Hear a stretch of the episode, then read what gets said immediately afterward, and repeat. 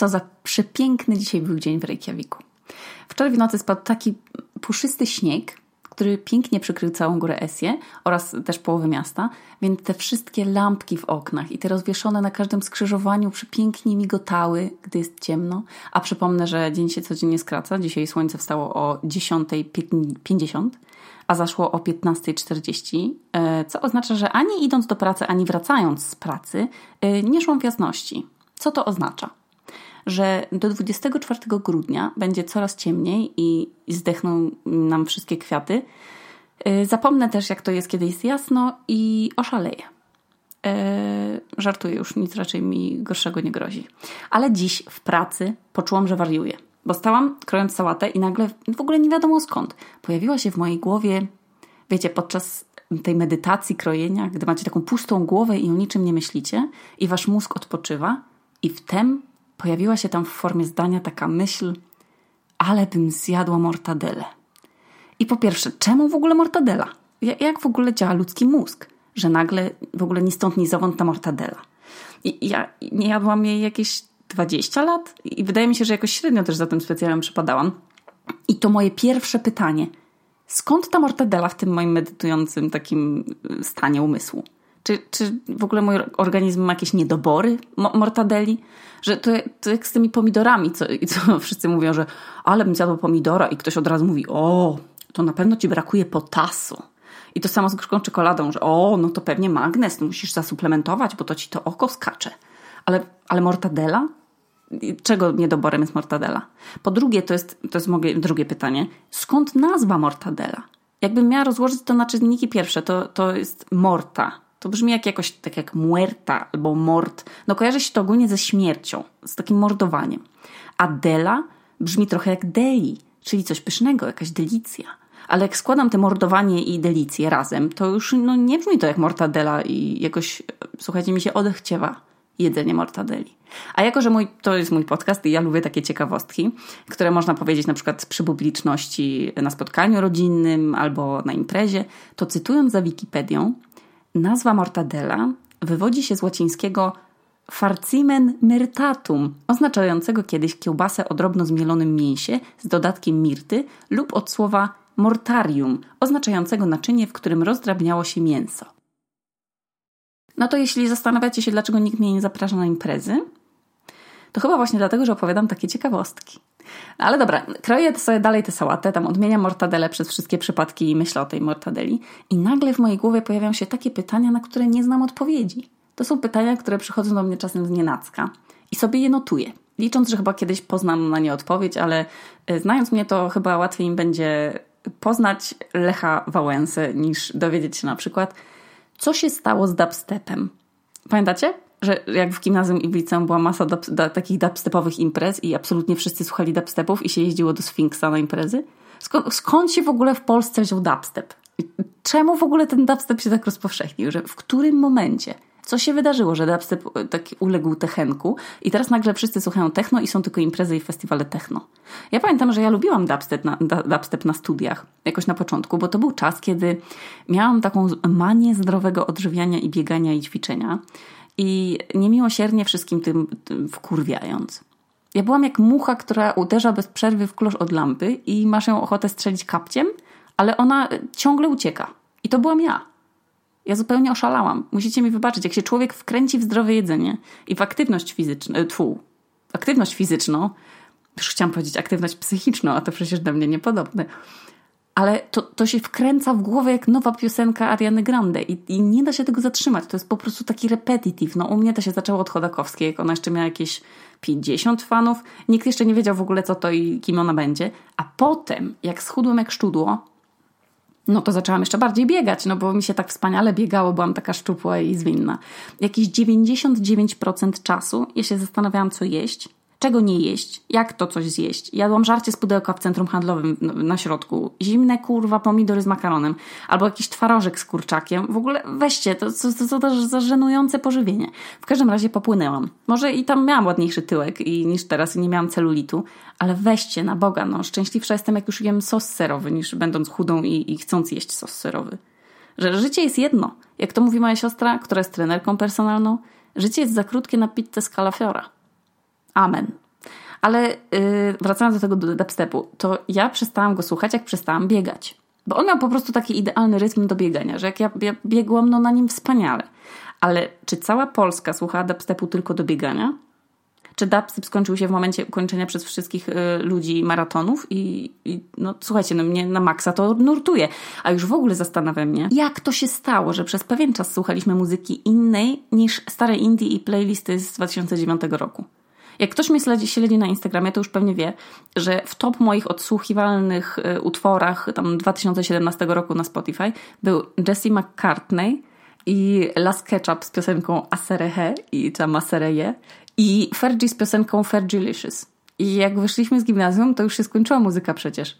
Że jedyna słuszna muzyka to była ta, mm, która była ciągle w kółko zapętlona na Vivie Polska i na MTV.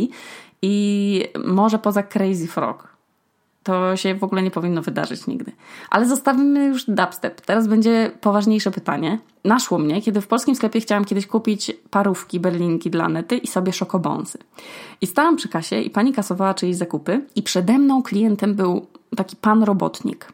I ten pan robotnik był w roboczym ubraniu, normalnie jakby z pracy wyszedł i płacił za piwko.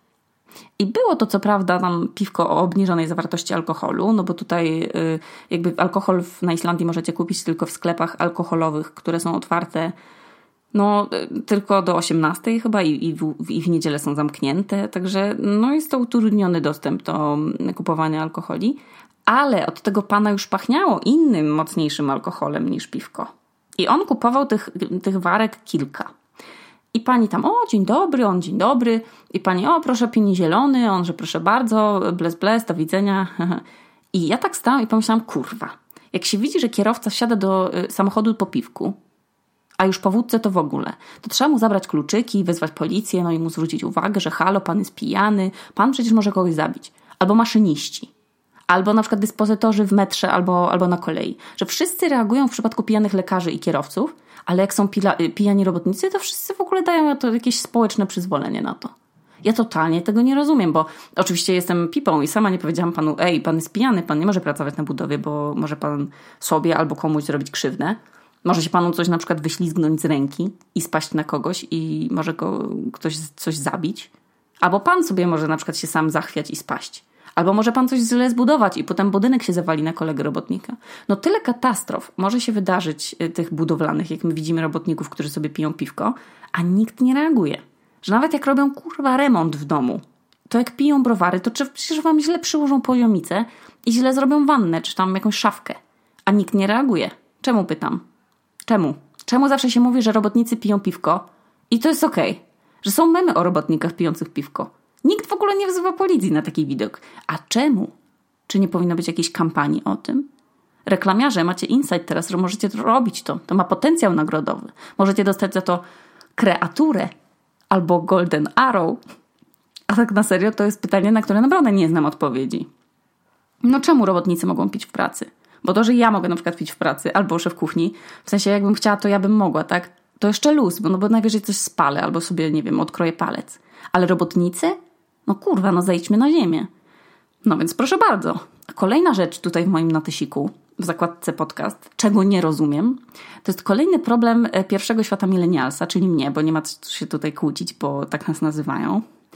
Ale ja jestem milenialsem introwertycznym, takim nieprzystosowanym do życia w dużym mieście i każdy, kogo znam, jak go pytam o to, to zupełnie w ogóle się dziwi, bo nie ma z tym problemu i ma to w dupie. Ale ja wiecie, chcę być zawsze miła. Nigdy nie chcę nikomu zrobić problemu albo przykrości. I jak jestem w knajpie typu fast food i dostaję jedzonko i picie, to zjadam jedzonko, ale picie w puszce? Jakby, jakby co, się, co się z tym robi? No bo te śmieci, te garmażernia, jakby powiedziała moja babcia, to to się wyrzuca do tych koszy, do tych sypów, nie? I tam się zostawia tę tackę obok i te wszystkie chusteczki trafiają do, tego, do tej dziurki. Ale napój w puszce? Przecież jak ja to tam wrzucę im, to to się całe wyleje i przecieknie im ten kosz i będzie syf. Ja nie chcę tak komuś niemiło wylewać picia do jedzenia, to jest nieeleganckie. A nie ma też takiego czasem zlewu na to, nie? Tylko w takich niektórych miejscach o tym pomyśleli, a na przykład w małych kebabach tego nie ma. I na przykład byłam w takiej burgerowni ostatnio, obok Teda, i tam ją prowadzą tacy luzaccy kolesie, wiecie, to jest tam na ścianie jest taki wspaniały komunikat, takie zasady knajpy i tam jest zasada, że zamawia się po angielsku, jeśli kasjer nie mówi po islandzku, a y, że nie ma na przykład podmieniania składników żadnych, bo jak dziś coś się nie podoba menu, to sam zrób burgera w domu i że to jest strata czasu wymienianie róż, ludziom różnych tam rzeczy. Także nie ma bez pomidora i nie ma opcji bez kurwa cebuli. Bardzo mądra zasada. I jest też zasada, że trzeba być miłym dla siebie, bo niemili klienci będą płacić podwójnie. To jest w ogóle fantastyczne miejsce, bardzo lubię tam chodzić na burgery. I tam nie wiedziałam, co zrobić z tym napojem, z tą puszką. No bo nie chciałam dopijać tej drugiej połowy puszki, a taka mała puszka picia to już jest dla mnie za dużo. No i spytałam kolesia, który tam pracuje, że gdzie mogę ten napój wyrzucić. I on powiedział, daj mi, ja wypiję. I wypił. Ale ja nie będę zawsze pytała kelnerów, czy chcą na przykład po mnie wypić. Bo to, co się robi z tą puszką? Jakby co robią normalni ludzie? Bo ja na przykład wychodzę z tą puszką, a potem wylewam zawartość pod jakimś drzewem i zgniatam puszkę i wtedy wyrzucam do kosza. I wiecie w ogóle, ile to jest zachodu? Jak ja sobie sama życie utrudniam w ogóle. Czasem jak się nie ma na przykład kosza, a na Islandii jest mało dosyć koszy na śmieci, no to ja muszę z tym kurwa iść kilometry. Co się robi z piciem, jak się już nie chce pić? Czy tylko ja mam ten problem? Czy, czy chociaż jeden z was się zastanawia, że jak wrzucicie komuś puszkę do kosza na śmieci, to mu się tam zrobi syf? Ja bardzo proszę innych dziwaków o odpowiedź, czy wy też macie takie rozkminy y, o piciu. Ale co do takich introwertycznych rzeczy, to jeszcze mam takie pytanie o seriale. Jak oglądam serial i widzę, to się w ogóle już zaczęło jakoś dawno temu, ale przypomniało mi się, jak Marek zna wspólnej zaczął zdradzać Danusie. Czy wy też tak macie taki dziwny, nie wiem, jakiś taki lęk zmieszany ze zdenerwowaniem, taki, jakiś taki dyskomfort, no, jak widzicie zdrady w filmie albo w serialu. Jezu, ja nie mogę tego przeżyć. Ja w ogóle nie mogłam oglądać DFR, bo, bo, bo po pierwsze to był serial o zdradzie, jak sama nazwa wskazuje, ale plus miał brzydkich aktorów i mi się nie podobał, ale za każdym razem, jak gdzieś jest zdrada, na przykład w Atypowym, to jest w ogóle bardzo fajny serial Netflixa i polecam, tam też ta matka zdradzała ojca. Słuchajcie, mi zdrady odbierają prawie całą frajdę z oglądania seriali i filmów. To jest najgorsze. Przecież to, jest, to nie jest tak w prawdziwym życiu, że się wszyscy zdradzają. I przez to, że w serialach tak jest, no bo weźcie mi znajdźcie jeden, gdzie się nie zdradzają i nie ma żadnego romansu. I jak nie Mira mi teraz wyślesz zaraz wiadomość please like me, to oszaleję, przysięgam. Więc przez to, że są w serialach zdrady, to jest tak jak z tymi robotnikami. Jest takie przyzwolenie na to. Że w serialach jest zawsze to pokazywane, że mimo zdrad się tam ludzie godzą i idą sobie nam tam jakieś terapie, albo czasem nawet i bez terapii, ale przecież w prawdziwym życiu jest więcej rozwodów jednak z tego tytułu. To nie jest takie kurwa proste, że się powie przepraszam. Tu przecież latami ludzie odbudowują e, zaufanie. Przynajmniej ja bym po prostu zabiła. Nie, nie cackała się w żadne przeprosiny. Ale czy tylko ja mam taki niesmak ze zdradami w serialach i z tym, jak one są w ogóle zmiękczane i pokazywane jako coś normalnego? Ja pytam. Ale może na przykład teraz kolejna rzecz, której nie rozumiem, i to będzie taka rzecz metafizyczna. Naszło mnie to podczas oglądania YouTube'a, jak tam jest teraz moda na kanały chrześcijańskie. Ja nic do tego nie mam, bo uważam, że dla każdego coś miłego. Ale kiedyś mi się to włączyło i jak słuchałam tego w tle, to tam mówili o tym, żeby się wsłuchać w siebie i się usłyszy, usłyszy głos Boga. No i, i okej, okay, jak ja się wsłuchuję w siebie, to myślę sobie, na przykład to ale bym zjadła mortadele, ale pytając już tak całkiem serio, skąd wierzący ludzie wiedzą, co podpowiada im Bóg, a co własna głowa? Czy jak sobie myślą, muszę rzucić studia, to myślą, że to oni czy Jezus? Czy mogło być na przykład tak, że wszystkie moje pomysły o rzucaniu chłopaków i rzucaniu tam studiów, rzucaniu reklamy, Polski, czy to mogły być pomysły Jezusa? I skąd ja mam to wiedzieć? Że jakby czemu ludzie nie zeznają w sądzie, Wysoki Sądzie, to był głos, który mówił mi, co mam robić, no i na przykład oni nie zwalają tego na Jezusa, że to był głos Boga. Ja nie żartuję, pytam poważnie. Skąd odróżnić własne myśli od głosu Boga? Czy, czy na przykład sąd mógłby wziąć pod uwagę jakieś okoliczności łagodzące w przypadku kogoś, kto jest bardzo wierzący i działał pod wpływem głosu, który słyszał w głowie i, i nie wiedział kto to, czyj to głos? Nie znam odpowiedzi na to pytanie. Bardzo proszę o Waszą opinię. To tak samo jak na pytanie, nie znam odpowiedzi, dlaczego zawsze radzimy ludziom inaczej niż sami byśmy zrobili. Na przykład koleżanka wpierdala się w jakiś związek z, z, człowiekiem, który jest głupi i coś kręci. Jest dla, nim, no, dla niej niedobrym materiałem na partnera. Jakieś tam hachmenty robi, wszystko, wszystko tam nam śmierdzi. I my mówimy, słuchaj kochana, musisz zerwać z nim kontakt. On jest po prostu toksyczny. W ogóle uciekaj z tego. W ogóle nawet mu nie, nie odpisuj więcej. A przecież, jakby się tak zastanowić, to jest absolutne przeciwieństwo tego, co same byśmy zrobiły. Albo ze zmianą pracy Mówimy, tak, idź w to super, należy ci się, na bank się dostaniesz i dadzą ci super hajs. Ja zawsze tak mówię, ale sama bym przecież tego nie zrobiła, bo jak o tym myślę, to mi słabo. Tak jest za każdym razem. Weźcie sobie, przypomnijcie chociaż jedną radę, którą komuś daliście i sami byście się do niej zastosowali. Że czemu my życzymy innym lepiej niż sobie? Ja zawsze wszystkim radzę, żeby walczyli o swoje, żeby zmieniali pracę na lepszą, żeby się niczego nie bali, żeby podrywali dziewczyny i chłopaków, żeby koleżanki rodziły dzieci, żeby się zapisywać na siłownię. A przecież ja tych wszystkich rzeczy bym sama nie robiła. Ja mogłabym co najwyżej, nie wiem, poderwać jakąś dziewczynę, ale wszystko inne nie ma opcji, bo ja nie mam odwagi. Ja nie lubię zmian. Mam niskie poczucie własnej wartości. Wszystko w ogóle mi utrudnia robienie tych rzeczy, które doradzam. Więc co za doskonała przyjaciółka we mnie, ze mnie, że ja sobie doradzam same wspaniałe rzeczy, których sama nie miałam w ogóle odwagi zrobić. Albo na przykład wolałabym się wrzucić w jakąś toksyczną sytuację bez wyjścia i mieć złamane serce i płakać i słuchać muzyki do katowania się. No wszystko. No ale zastanówcie się, kiedy ostatnio daliście komuś taką radę? A teraz taka rzecz o mózgu. Jak wiecie, bardzo mnie ciekawi mózg. Ale Anetę ciekawiło o mózgu dokładnie to, dlaczego uczucia przemijają. Zapytała e, Teda i Ted powiedział, że nie wie. Ale nie chodziło Anecie o odpowiedź taką neurologiczną. Jej chodziło o metafizykę tego zjawiska. Ona wyraziła swoją niezgodę z tym związaną. Ale gdybym ja nadal kochała Leonardo DiCaprio, to bym oszalała. To, to jest bardzo dobrze, że uczucia przemijają. Ale jak się to dzieje? To jest moje pytanie. Pytanie neurologiczne. Co za to odpowiada? jaka część mózgu. Czy to jest tak, że po prostu neurony niepobudzane zanikają? Że na przykład neuron W, jak Wojciech, jest pobudzany bardzo często, a potem się rozstajecie z Wojciechem i, i myślimy o nim z biegiem czasu coraz mniej, no i mniej, i ten neuron W jest po prostu pobudzany rzadziej i nagle bam, że, że on zanika i na jego miejsce się pojawia jakiś nowy, ale nie podłączony z neuronem emo, emocjonalnym i po prostu on przestanie działać? Czy jak to jest? bo nie mogę tego pojąć, nie, nie mogę tego zrozumieć. Super, że emocje i uczucia przemijają, bo to jest doskonałe rozwiązanie, bo bym chyba nadal była wkurwiona na panią od biologii w liceum, że mi wystawiła na świadectwie truje i naprawdę mnie to wkurwiło. I byłam na przykład zdenerwowana też na ojca koleżanki z podstawówki, który, uwaga, teraz jest straszna historia. Zatkajcie uszy, jak macie słabe nerwy. To jest historia, którą opowiedziałam tylko cztery razy w życiu i opowiem teraz wam, tym milionom słuchaczy. Żartuję, nie słucha mnie nawet jedna pięćdziesiąta miliona. No ale dobra, słuchajcie, co było z, tą podstawówką? Ja przez przypadek tej koleżance w trzeciej klasie podstawówki powiedziałam, że, no bo ja myślałam, że już ona wie, że nie ma świętego Mikołaja. I ona się rozpłakała.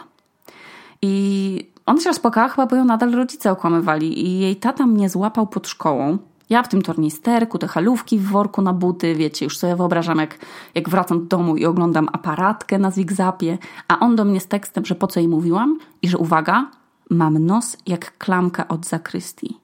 Kurwa, słuchajcie, to było dwa razy w życiu, już wam mówiłam o policzkowaniu koleżanki w przedszkolu, to to była druga i ostatnia sytuacja w moim życiu, w której czyjś rodzic mnie tak strasznie potraktował. Jak jeszcze w ogóle po tym upokorzeniu przez mamę koleżanki, to się jakoś tam otrząsnęłam, to ta pamięć o tym ojcu i o nosie jak klamka od zakrystii, to ja, ja nawet nie wiedziałam wtedy, co to zakrystia. No, ja miałam jakieś 8 lat. To mi zrujnowało samoocenę jak, jako, jako dziecko w ogóle na wiele lat. Ja przez to do dziś nie lubię swojego nosa. A ten neuron, który on poruszył tym chujowym tekstem, jest wciśnięty jak przycisk aż do dzisiaj. I co to w ogóle za potwór może coś takiego powiedzieć obcemu dziecku? Ja nigdy nie powiedziałam tego nikomu, chyba tylko mojej mamie już jak będę, byłam dorosła. I moja mama powiedziała, że, że z niego jest burak i tyle. Że burak, nie burak, no, no nie no nadal nie lubię mojego nosa. I nie rozumiem, czemu nie jest tak jak w zakochanym bez pamięci, że takie rzeczy można sobie po prostu wymazać. Że zapłaci, zapłaciłabym i sobie wymazała ten, ten, ten nos jak klamka w zakrystii. Ale na sam koniec absolutny top of the top moich dzisiejszych przemyśleń, takie opus magnum tego odcinka. To jest pytanie, które zadaję sobie średnio trzy razy dziennie, zazwyczaj oglądając jakieś social media albo czytając prasę, słuchając rozmów ludzi, w ogóle obserwując ludzi. To jest pytanie, dlaczego ludzie uważają, że muszą mieć zdanie na każdy temat i że w ogóle ktoś chce to zdanie ich znać, bez pytania.